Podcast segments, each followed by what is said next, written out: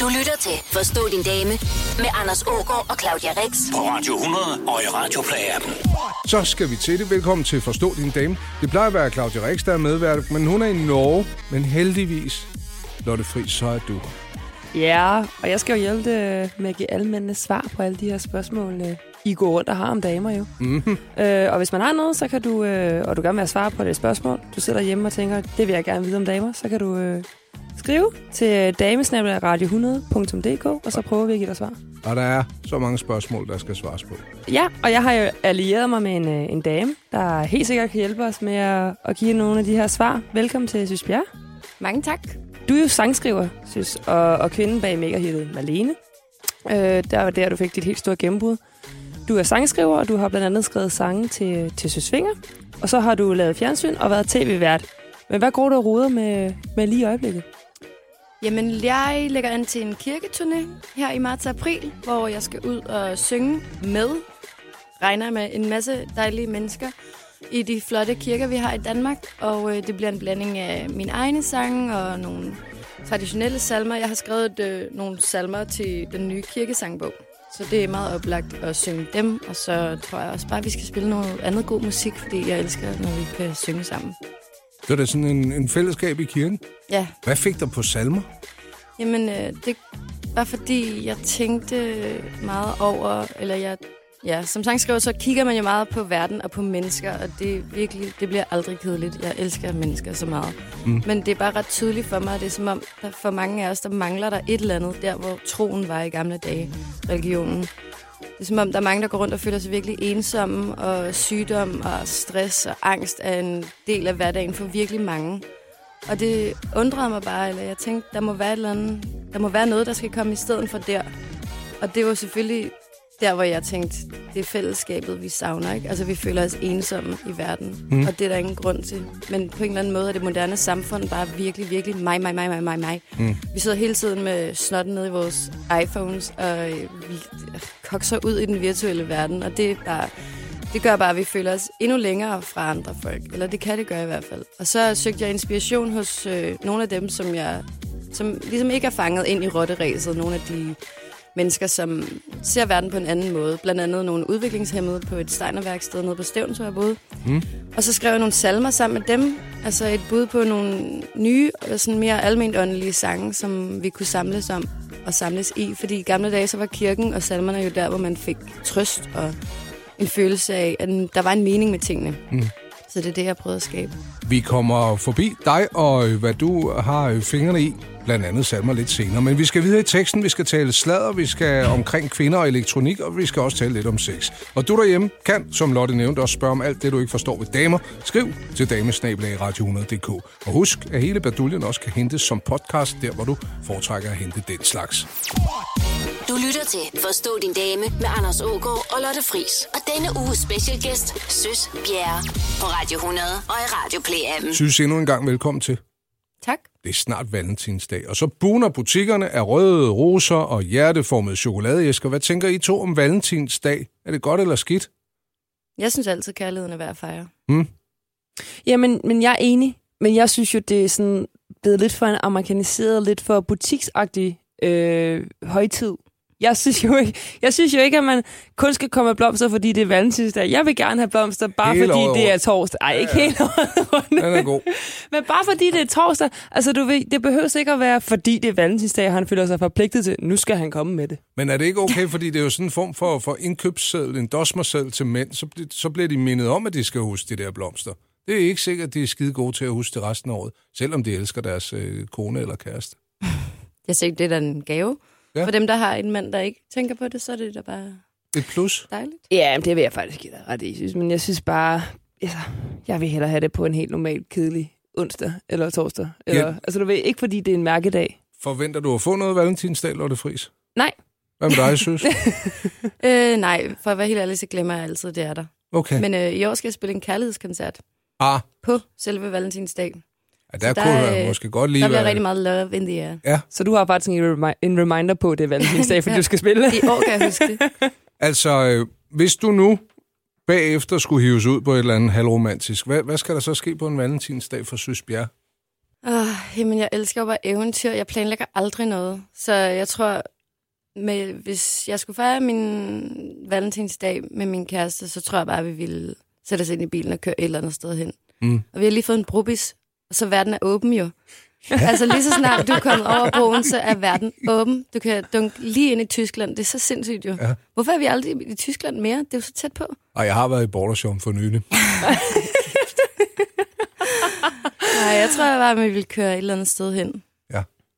Ned og lige sige dag i Leipzig eller Harzen. Ja, eller Hamburg altså. Mm. Det er fandme en lækker by.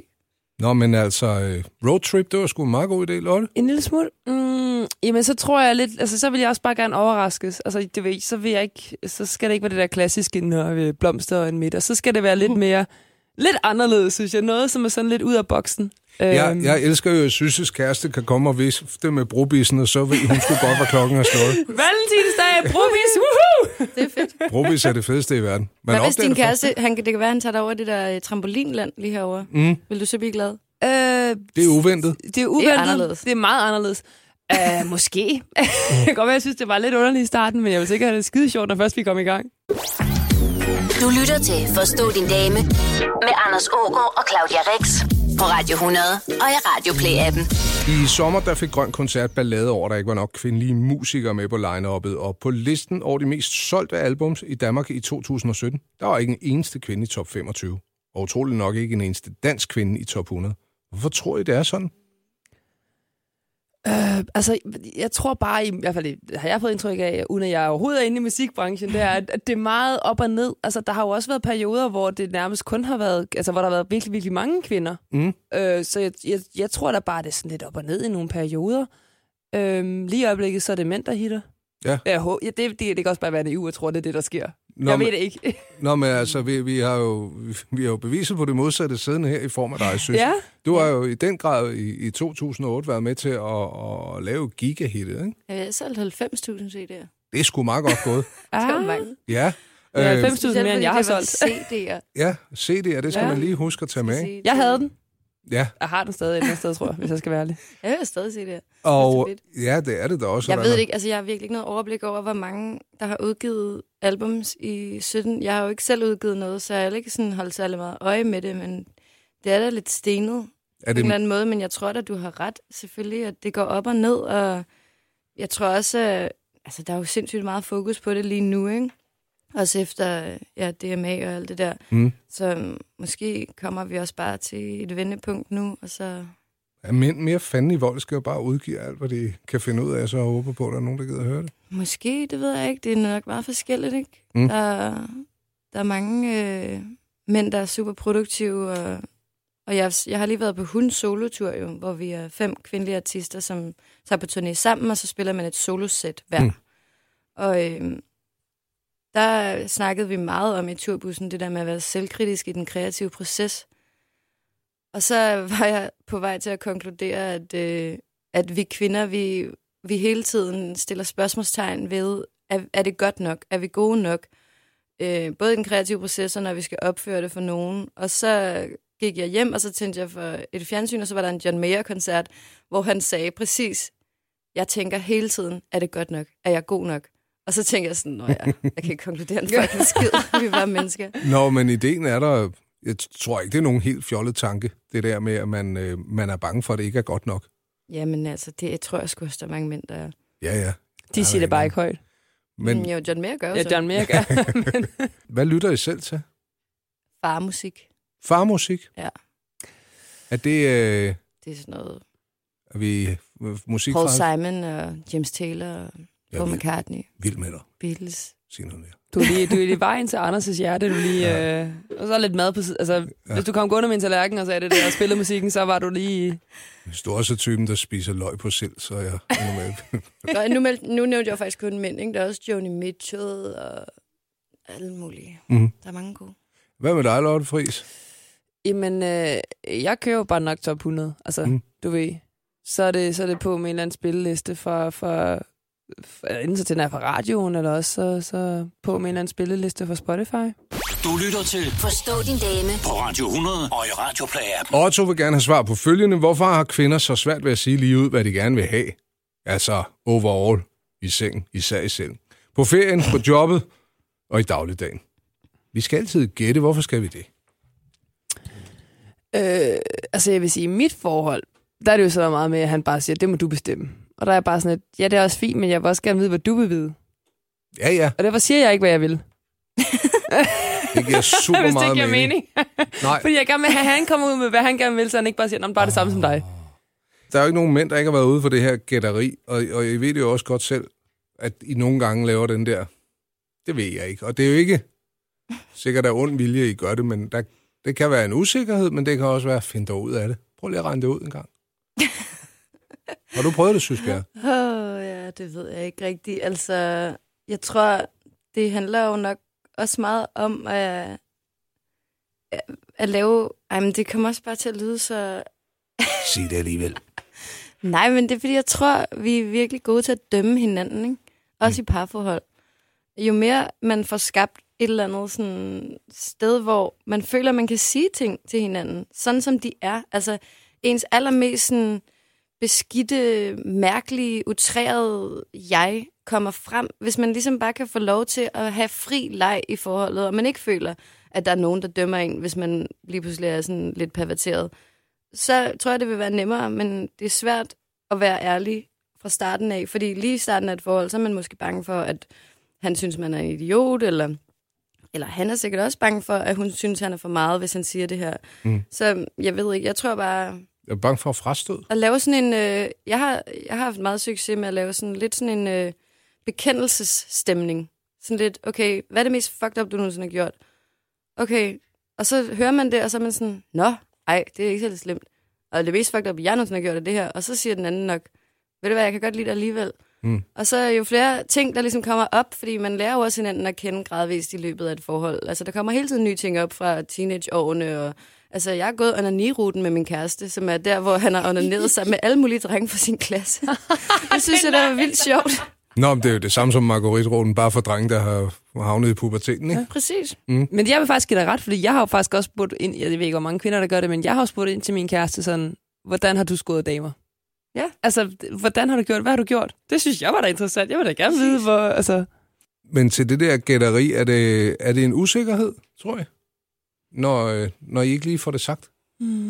Jeg tror at der er mange, som måske faktisk ikke rigtig selv er klar over det. Altså, jeg tror ikke, det er en bevidst handling, som nogle kvinder gør for at irritere deres mænd. Mm. Jeg tror bare, de er ikke klar.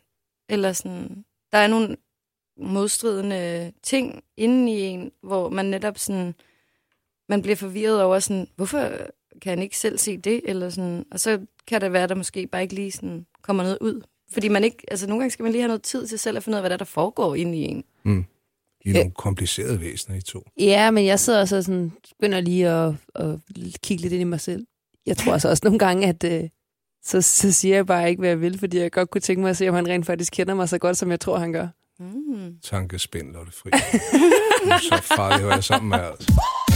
Mængden af det mandlige kønshormon, testosteron, daler, når mænd bliver gift. Det viser et studie fra Rigshospitalet. Forstå din dame på Radio 100. Det er Svenden fra Roskilde, der spørger. Det er sådan en afstandstagen, jeg som studievært tager lige i øjeblikket. Hvorfor er nogle kvinder så afvisende over for at give godt blæs? Jeg har hørt kvinder tale om, at det er klamt, især og åbenbart det der med sæd. Har I nogensinde tænkt på, hvordan det er for en mand at ligge med hovedet mellem benene på en dame? Øh, konstant. Tænker du konstant på, hvordan Nej, det gør jeg ikke. Nej, men, men jeg vil da også sige, øh, jeg har da tænkt med tidligere kærester, øh, hvis, hvis du ikke går ned på mig, hvorfor skulle jeg så gå ned på dig? Og det kan godt være, det er sådan lidt kritisk. men ej, ej, jeg ved ikke, jeg, jeg, mm, ja, det er, er det ulækkert? Men er, synes, er Svend øh, lidt uheldig der? Fordi altså, nu ser jeg som mand, ja, det, er, det er godt nok ikke mange fyre, jeg kender, der, der har berettet om, at de, de synes, at, at det var en manglende brik i deres sexakt med dem, de nu har været sammen. Jeg tror helt klart, at Svenden er gået ind i en forkert biograf. Altså den film, der vises der, det er sådan noget med, øh, jeg skal ikke give dig noget, hvis du ikke skal give mig noget, og det er ulækkert, men det er også ulækkert det andet. Altså jeg synes, han skal gå ud af den biograf, og så gå ind i den anden biograf, hvor det er fucking lækkert, mm-hmm. og vi giver og tager, altså at deles om På det alle for. Ja. Så tag et bad, Svend, hvis der er der noget er helt galt for dig. Det kan også være løsningen på mange ting. Men jeg synes da også, altså, jeg, har heller aldrig hørt, at, at piger ikke vil. Det er godt at høre. Nej, ikke siden vi var 14. Nej, nej, lige præcis. Du lytter til Forstå din dame med Anders Ågaard og Claudia Rex. På Radio 100. Flemming har skrevet, min kone er stor fan af 50 Shades-bøgerne. Jeg forstår det ikke. Hun er stærk, selvstændig, klog og vil ikke kommanderes rundt med, og alligevel så slår hun det råt, når hun læser om en halvvoldelig mand, der på alle måder kontrollerer og dominerer en kvinde. Er det ikke ret dobbeltmoralsk? Det ved jeg ikke. Jeg kan jo kun tale af personlig erfaring. Jeg kan jo, kan jo godt lide, at det ikke er mig, når vi er i dobbeltværelset, som, eller skal man sige dobbeltsengen, at der ligesom skal, skal bestemme. Jeg synes det, fordi jeg føler i hvert fald udenfor, så det er altid mig, der bestemmer. Og det kan bare være min situation selvfølgelig, men... Det ved jeg ikke. Jeg tror da, at alle voksne mennesker rummer begge sider. Ja. At vi både har lyst til at dominere, og vi har også lyst til at blive domineret, og vi har også lyst til bare at være i total send og øh, mega føle sex, som jeg lige lavede i Skrabbel den anden dag. Det er jo igen det der med at dømme hinanden i et parforhold. Altså, hvis hun synes, de bøger er gode, og øh, får noget ud af at læse dem, så er det da bare stinke lækkert. Altså, så kan hun få lov til at sidde og læse det, og blive sådan lidt, hmm, Mm. sådan øh, lækker øh, lurfel. Øh, Ja, lidt kod i det, er. Ja, det er ja. fedt for ham. Altså, jeg har prøvet prøvet at åbne de der bøger, og jeg synes, det var fuldstændig vanvittigt. Mm. Altså, men det er bare fordi, jeg synes, det er enormt dårligt skrevet. Men det kan være, det regner på Flemming, hvis konen bliver glad for det. Ja, hvad brokker han så over? Jeg tror ikke, han skal tage det som et tegn på, at hun er på vej øh, ud i et eller andet vanvittigt SM-miljø. Altså, det er jo nogle bøger, som virkelig, virkelig mange kvinder hele, over hele verden har nyt mm. at læse. Ja, men jeg, jeg tror også, du har ret. Altså, vi kan jo godt lide, altså, vi kan jo godt lide alting. Vi vil gerne have det hele. Nogle, gange, nogle dage er man bare til det ene, og nogle dage er man til det Ja, andet. præcis. Det er det, der er smukt, og det kan da også være, det ender med at starte en eller anden samtale om noget i soveværelset mellem de to. Det kan da også godt være, der er et eller andet ekstra lag, de ikke har undersøgt. Lad du føle sex i skrabbel? Ja, Hvor tit er- spiller du det? Jeg spiller et ret tit skrabbel. Mm. Mm. Sådan det helt old school brætspil. Det er fucking hyggeligt. Det spiller vi slet ikke nok brætspil i forholdet. Nej. Og jeg tror heller altid ikke, at følesex skal bruges i Wordfeud, men i skrabbel, der kan det altså. En kvinde er i gennemsnit 29,1 år, når hun føder sit første barn. En førstegangsfar er i gennemsnit 31,3 ifølge Danmarks Statistik. Forstå din dame på Radio 100. Vi bliver lidt i øh, parforholdet. Jonas spørger, er der opgaver derhjemme, der giver flere point hos øh, kvinden end andre? Altså, jeg bliver nærmest ikke bemærket, hvis jeg laver mandeopgaver, altså lamper op, skål og sne og sådan. Men hvis jeg gør rent eller foreslår, at vi besøger min kærestes forældre, så kan det nok være, at pipen får en anden lyd, og så får jeg masser af ros og beundring. Hvorfor det? Jeg synes, det er så sjovt, det der. Altså, jeg har lige snakket med min kæreste om, fordi han elsker, når jeg laver mad til ham. Altså, det sker flere gange om ugen, at han får tøj i øjnene af glæde over, hvor godt det smager. Og en eller anden dag, en aften, så røg det bare ud af mig sådan, hvis der bare var flere mænd, der havde reageret, som han gør dengang, dengang, hvor det var normalt, at kvinderne gik derhjemme og lavede mad og gjorde rent til deres mænd, så var kvindeoprøret aldrig kommet. Fordi så ville vi have følt, at det gav mening, det vi gjorde. Og det samme med, altså jeg gør mig så meget, altså det ved vi jo også alle sammen godt, at det er jo en kæmpe fucking gave, når nogen gider sætte en hylde op. Og jeg, altså det kommer til at lyde, min søster har faktisk været manden i mit liv i mange, mange år, fordi hun er utrolig god til alt muligt handyman-opgaver. Mm. Både elektronik og elektricitet og bore ting ind i væggen og sådan noget. Altså jeg er en typisk sådan, altså ja, som folk ser på kvinder. Altså jeg kan overhovedet ikke finde ud af det, og det interesserer mig overhovedet ikke. Så derfor så husker jeg det selvfølgelig at sige fucking tak, Det er en når sej der er nogen, der har sætter noget op op på ja. væggen, og sætter det lige. Altså nu, din kæreste er jo så klar over, at du finder på at stille dig ved kødgryden, men elsk, jeg skal ha- have noget af din veganermad på et tidspunkt, kan jeg godt høre. Ja. Hvis det giver tår i øjnene, så, øh, så er jeg inviteret på middag. Ja. Men, men, men er det, når det er det ikke forventelige, at vi lige pludselig siger, nej, hvor dejligt?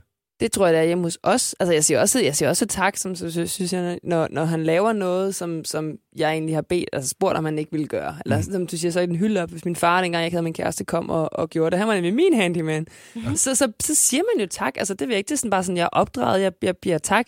Øh, men jeg vil også sige, at jeg føler en større glæde, når han gør noget udventet. Altså, som at rydde op i køkkenet. Forstå din dame på Radio 100. Og i Radioplay-appen. Vi har besøg af Søs Bjerre i dag, og synes, vi skal tale kærlighed og kærester. Du er for nylig blevet interviewet om fri kærlighed, om det her med at, at have flere kærester på en gang. Det gik ikke så godt. Ikke lige der i hvert fald. Nej. Men Tror det var, er, er der forskel på, om det, det er en kvinde eller en mand, der ønsker flere kærester, i Nej. forhold til, om det kan fungere? det tror jeg ikke. Det okay. handler 100% om at være enige om, hvad det er, man vil. Og jeg Mm. ved, der er sindssygt mange polyamorøse forhold, som fungerer stinke godt, og der er alt, altså, der er simpelthen så stor spredning, både med køn og øh, seksuel orientering og alt muligt. Mm. Så det, jeg tror simpelthen ikke, man kan putte øh, de der ting ned i øh, han og hun kasser på den måde. Hvis jeres partner, som I har nu, ønskede en ny kæreste, hvad vil I så sige til det? Altså, jeg, jeg er jo virkelig bare 100% overbevist om, at kærligheden er fri, og Mm. det har den altid været. Og af en eller anden grund, så har vi lullet os selv ind i en virkelighedsopfattelse, hvor at det er ligesom med penge, at vi har et bestemt øh, antal kærlighed, vi kan give ud. Og hvis vi giver så meget til vores børn, så kan vores mand måske blive sur over, at han får mindre. Men det passer jo ikke, fordi der er uendelig kærlighed. Vi behøver ikke at spare på den. Og jeg har ingen... Altså, nu er jeg virkelig dødforelsket i min kæreste lige nu, og vi er hamrende monogame mere, end jeg nogensinde har været før i mit liv.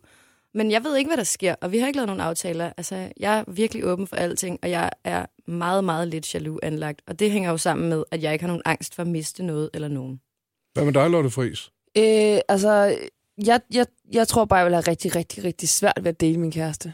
Mm. Altså, ikke fordi, jeg, som du siger, jeg tror også, kærligheden er stor, det der med, når man får børn, så er der ikke noget kærlighed, der går fra et barn til et andet, eller fra manden. Øh, jeg, jeg tror bare, jeg vil have virkelig, virkelig svært ved at ikke få den opmærksomhed, som han eventuelt vil give til, til en anden kæreste. Altså, det er det, jeg tror, der ligger for mig. Øh, Men jeg tror bestemt heller ikke, der er noget, der er rigtigt for alle overhovedet. Nej, altså vi er jo forskellige, det er det, jeg synes, der er så fedt ved, ved verden og på mennesker, og at der er så mange forskellige ting, og ting, der passer til forskellige mennesker. Det er det, jeg synes, der er fedt. Det er det, der gør, at når man har en samtale øh, med personer, så, så kan det være et helt andet liv, de lever i, i forhold til, hvad man selv gør. Du lytter til Forstå din dame med Anders Ågaard og Claudia Rex på Radio 100 og i Radio Play-appen. På Aalborg Universitet, ikke? der er et institut, der hedder Institut for Elektroniske Systemer. Hvad laver de? Ved I Ta- det? taler det til jer, I to damer? Øh, Ikke sådan rigtig Nej. meget. Men der mangler altså også damer der. Men når der er kvinder til stede, så, så er der mere seriøst i undervisningslokalet, mm. øh, siger øh, Rasmus øh, Løvenstein Odens, øh, Olsen, undskyld, der er lektor og semesterkoordinator. Hvorfor gider kvinderne ikke studere teknologi? Jeg synes, jeg læste noget, der sagde, at kvinder var på vej ind i teknologi. Altså, man skal jo også nogle gange huske på, tror jeg, at kvinder er kommet senere ud på, på i universiteterne, arbejdsmarkedet. Vi skal lige følge med, ikke? Vi kommer. Der skal nok komme en masse kvinder, det er jeg sikker på. Det tror jeg også. Jeg tror bare ikke, det er så udbredt endnu. Altså, jeg tror ikke, der er, der er, så, der, der er så meget viden omkring det med kvinder. Og jeg tror netop, det der med, at han siger, at, at stemningen, og der er mere seriøsitet, når kvinder er der, det er fordi, så skal vi, så skal vi satme også lære noget. Vi er Altså, sindssygt gode i skolen. ja. Mm. Nå, men det er I garanteret begge to, men synes du, Jamen, I alle kvinder er da gode i skolen. Ja, ja Mange kvinder er. no, de fleste, sikkert. synes du, I til er sexet, synes? Jeg synes, at hvad, hvad som helst skal være sexet, når nogen er gode til det og går op i det. ja, netop når folk brænder for det. Man de kan jo kan sidde og finde ud- lytte til en fluefisker og tale om øh, fluebinderi i halvanden time, hvis han bare brænder for sagen. Eller det kan jeg i hvert fald. Ja, ja, Men... Så jeg tror altså, at IT kan sagtens være sexet. Altså, det er jo virkelig bare... men synes, hvis vi så taler om, om noget, der, der har fanget dig, musikken, var det så din øh, musiklærer, der løftede dig op, eller? Og Nej, det er jo mine forældre, fordi de er musikere begge to, og vi havde jo gået til Suzuki-violin, siden vi var tre og fire, mig og min søster, og klassisk klaver og alt muligt. Så Skal det var høre, en... Su- Suzuki-violin, det er typen af violin? Nej, det er en undervisningsform, hvor du lærer på øret. Okay. Så du kan lære at spille musik fra, før du kan alfabetet rigtigt, og sådan, mm. før du behøver at læse noder. Så du, mm. læreren spiller noget, og så skal du imitere det. Suzuki-violin, det er et fedt navn. Ja, Ej, Ej, det du kan også spille Suzuki klaver, eller Suzuki cello, eller alle mulige andre ting. Det er bare at lære metoden, der hedder Suzuki. Mm. Nej, det er fedt. Det er sindssygt fedt. Jeg tror, jeg er mest Suzuki-typen, når jeg kommer til stykket. Du kan ikke sidde og læse og lære. Jeg har prøvet de noder der, det gik ikke så skide godt. Jamen, det er faktisk virkelig, altså, man, øh, jeg kender mange, der har gået til det også, som jeg snakkede med sidenhen her, altså jeg, folk, jeg har mødt i musikbranchen, og vi har alle sammen en fornemmelse af, at vi har fået et virkelig godt øre. Altså, man lytter bare på en anden måde, når man har lært musik på den måde, da man var helt lille. Mm. En alternativ læreform. Ja, det er fedt, men så lærer man jo så noget bagefter, ikke? Mm. Men så har man ligesom musikaliteten inden, og specielt med strenge instrumenter som violin og cello og sådan nogle ting, hvor du intonerer, altså hvor der ikke er noget bestemt sted, ligesom afmærket på instrumentet, hvor du skal sætte dine fingre, så bliver det jo virkelig intuitivt. Altså du skal jo ligesom Mm. mm. kunne føle det og høre det, for at spille det rigtigt. Altså, hvor meget, hvor meget af det der noget er nødvendigt for dig i din dagligdag? Er det, når du skal videreformidle til andre, hvad, hvad de skal? Altså der er jo mange i den rytmiske musikbranche, som faktisk slet ikke kan læse noder. Mm. Og det, de klarer sig helt perfekt. Mm. Altså, jeg synes jo, det er smart for mig at kunne nu, for eksempel når jeg har spillet en række nytårskoncerter med et kæmpe stort militærorkester, så får jeg tilsendt partiturerne, så er det da dejligt, jeg kan læse det. Mm. Altså, så jeg kan møde op til prøven og rent faktisk vide, hvad det er, jeg skal lave. Men selvfølgelig kan jeg også godt gå ind på Spotify og høre øh, nummeret, for eksempel inden. Altså, men jeg er jo ikke helt sikker på, så om arrangementet ligner det, jeg hører på Spotify. Jeg er lige fræk, ikke? og det har ikke noget med mænd og damer og, og forstå dine damer at gøre. Jeg bliver bare skide nysgerrig lige nu. Når du så sidder og læser sådan et, et ark med noget, sidder du så og, og, og kan høre det inde i hovedet, mens du sidder og læser det? Sidder du og nynner? Hvordan gør man? Nej, altså jeg vil nok altid sætte mig ved et klaver. Men det skal lige sige, at jeg altså ingen noget har jeg overhovedet. Det, jeg var det, helt klart. Men det er jo sådan sideeffekten ved at have lært musik på den måde, som vi har lært ved, på øret. Mm. Det gør jo, at man pludselig... Min mor er jo klaverlærer, så hun har undervist i klaver. Jeg har lyttet til alle de der øh, klassiske stykker, fra jeg, var, fra jeg blev født. Ikke? Jeg lå i en lift under flylet. Så det er indkodet i min DNA, så jeg kan det udenad. Så derfor, da jeg skulle så læse noderne og spille det, da jeg gik til klaver hos min mor, mm. så snød jeg jo Altså, fordi jeg havde jo lært at spille efter øret, og jeg kunne tingene udenad, så jeg, jeg prøvede mig bare frem. Så jeg fortsatte egentlig bare ud af den sti, og det er jo ikke meningen. Det er jo meningen, at jeg skulle læse noderne, så min mor stoppede mig så mange gange og var sådan, hvor er du henne i noden? Og det jo fuldstændig rigtigt. Jeg anede det ikke. Jeg altså, jeg kiggede slet ikke på det. Så jeg, jeg blev aldrig sindssygt god til noder. Det er jo, altså for nogen, der er det jo som at læse op af et papir, ligesom vi gør her, ikke? eller mm. læse op af en avis. Det er det ikke for mig. Altså, jeg skal virkelig, jeg skal bruge tid på det, jeg skal koncentrere mig om det. Men øhm, så kan man også godt. Men det, det fungerer. Fedt. Det er et alfabet jo, det, og det er internationalt, så det er fedt. Forstå din dame på Radio 100. Og i Radioplay-appen. Jeg synes, Bjerre, det er simpelthen så dejligt, du har øh, givet at lægge vejen forbi vores radio. Det var dejligt, at jeg måtte komme. Og øh, gøre os lidt, uh, lidt klogere på, på damerne, det er blandt dig. Når vi nu kommer lidt længere frem her i foråret, så skal du ud og prøve kræfter med salmer. Ja. Hvad min... går det ud på? Jamen, det er min turné i kirker i Danmark, som mm kommer til at køre i marts-april, og så også lidt længere øh, hen over sommeren, og faktisk også i sensommeren. Så jeg prøver bare at komme lidt rundt, og også til nogle byer, hvor man ikke normalt måske kommer, hvis der ikke er et regionalt spillested for eksempel, så er det jo ikke så tit, at sådan nogen som mig kommer forbi. Så øhm, jeg har tænkt mig at lave nogle koncerter, hvor vi skal spille nogle af mine sange, og nogle af mine nye salmer, og nok også nogle klassiske salmer og melodier, sange. Hvad, hvad er der i dine salmer? Hvad har fået dig til at skrive salmer? Jamen, det er jo et ønske om, at øh, ja, finde en anden vej, finde en anden måde at være her på, faktisk. Altså, at være, i, være levende på. Ja. Fordi der er så mange, der har det virkelig dårligt, altså meget af tiden, og det forstår jeg godt, for jeg selv har haft det fucking dårligt. Mm. Og en af de første ting, jeg ligesom fokuserede på, det var det med at prøve at slutte fred med mig selv en gang for alle. Altså virkelig fucking se mig selv i øjnene og sige, du er okay, fordi da jeg blev voksen her for to års tid siden, så gik det jo op for mig, at jeg er den eneste, jeg er tvunget til at være i rum med resten af mit liv. Og jeg behandlede mig selv så sindssygt dårligt. Altså, jeg talte så grimt til mig selv, og det ved jeg, at der er rigtig, rigtig mange, der gør. Og jeg troede engang, det primært var kvinder, men det tror jeg ikke, det er. Jeg tror også, mænd gør det. Og vi er så selvkritiske, og vi er umulige at være sammen med. Og så besluttede jeg mig for at prøve virkelig bare at stoppe. Stop al selvkritik. Og mm. sige til mig selv, jeg er okay, fordi som jeg snakkede med min bedste veninde Vanessa om den anden dag, da vi var mindre. Vi var jo 100% overbevist om, at det var en sandhed, en ufravigelig sandhed, at vi var grimme. Vi var udulige, vi ville aldrig blive til noget. Og at øh, vi var tykke også. Altså sådan nogle ting, ikke? Det er som om, det bare var... Det var sandheden, og den var hård at lære at leve med, når man var lille og Hvor ung. Hvor kom den fra? Jamen, den kommer fra alle mulige steder. Altså, den kommer både et eller andet sted dybt indenfra, tror jeg, det ligger lidt som den der, mig og min kæreste kalder det urskylden. Mm. Eller urskammen, ikke? Og det er jo nok det, man kaldte afsynden i gamle dage. Men der er sgu et eller andet sted inden i os, hvor vi føler, at vores indre sandhed er, at vi i virkeligheden ikke rigtig er noget værd. Og den er hård at kæmpe med, men det kommer sgu også fra vores lærermestre, fra medierne, fra vores forældre. De giver den videre til os uden at ville det. Og jeg, jeg har tilgivet mine forældre alt, hvad de nogensinde skulle have gjort, som måtte kunne tolkes som mm. værende forkert. Men altså, de har ikke gjort, de har gjort deres aller, allerbedste, og det gør alle forældre. Men jeg tror virkelig på, at forældre, som ikke er glade for dem selv, mm. og det er der virkelig mange voksne mennesker, der ikke er. Og det er ikke noget, man tænker på som en prioritet, at være glad for sig selv, når man er børn. Men børn fanger jo alle vibrationer op. Børn er så gode til at læse energi, at du behøver ikke sige noget som helst. Men jeg tog i hvert fald min mors mindre til mig meget, meget tidligt, og var helt sikker på, at jeg var for tyk, eller at øh, jeg så forkert ud. Ikke? Mm. Og så er der så ting, som rent faktisk bliver sagt til en, eller folk, der slår ned på ens glæde. Jeg kan huske sådan helt tydeligt, da jeg var lille et eller andet, hvor jeg bare sådan løber glad ud af vejen og skal besøge min veninde. Og så er der en eller anden fremmed teenage der siger, Nå, der er nok en, der er rigtig glad i dag. Og jeg kan huske, det rammer mig som en sten, sådan, Gud, Altså, hun så mig som værende et eller andet, altså dum, eller fjollet, eller et eller andet, ikke? Og, sådan, og det, altså, Det der er i hvert simpelthen fald- så mange ting, vi samler til håbe, som alle sammen ender med at ligge som sådan nogle programmer, der bare kører underbevidst i os. Altså, uden overhovedet at tænke over det, så dømmer vi os selv i vores dagligdag. Gang på gang på gang på gang på gang. Vi slår os selv i hovedet med ting, vi har gjort forkert i går, for 10 år siden. Vi slår os selv i hovedet med ting, vi nok gør forkert i morgen. Altså, det er en uendelig ting, men altså, man kan selv bestemme sine tanker. Det er det, jeg har fundet ud af, efter jeg blev voksen. Jeg behøver ikke at være ubevidst omkring, hvad der foregår i mit hoved. Jeg har valget. Jeg kan bare vælge at kigge et andet sted hen. Hvis jeg hele tiden kigger på det, der gør mig sur, så bliver jeg sur. Hvis jeg hele tiden kigger på det, der gør mig glad, så bliver jeg glad. Og det har jeg brugt på mig selv. Jeg har prøvet virkelig bare at slutte fred med mig selv, og det lykkedes virkelig godt. Og den indstilling tager du med ud i øh, kirker og optræder?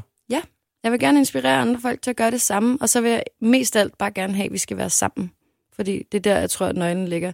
Vi bliver simpelthen nødt til at finde en måde at være her sammen på, og det gælder ikke bare i København eller i Danmark, det gælder i hele verden, fordi ellers så ryger vi af den her planet lige om lidt. Tusind tak, fordi du gad at være sammen med os. Tak fordi jeg måtte.